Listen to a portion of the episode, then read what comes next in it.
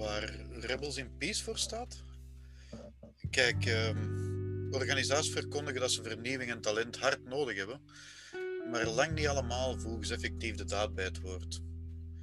Om te vernieuwen en dus de huidige werking eigenlijk wat in vraag te stellen, moet je lef hebben en bereid zijn je hoofd boven het maaiveld uit te steken.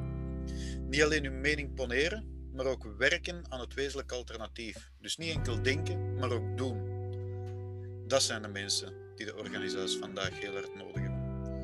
Eigenlijk heeft iedere organisatie een rebel in peace nodig.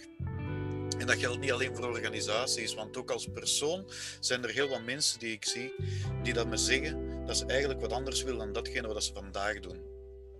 De zekerheid van de huidige job, de perceptie dat het kiezen voor iets anders een gevoel van falen veroorzaakt, of een degradatie in de maatschappelijke status omwille van een keuze, maken dat ze uiteindelijk geen keuze maken. Ik ben Roeland van Rebels in Peace en ik begeleid organisaties en individuen die het maximumpotentieel willen benutten en inzetten. Ik help mensen om de balans te vinden tussen hun professionele en persoonlijke droom. Ben jij op zoek naar iemand die je coacht, zodat jij eindelijk de volgende stap gaat zetten? Neem dan gerust contact.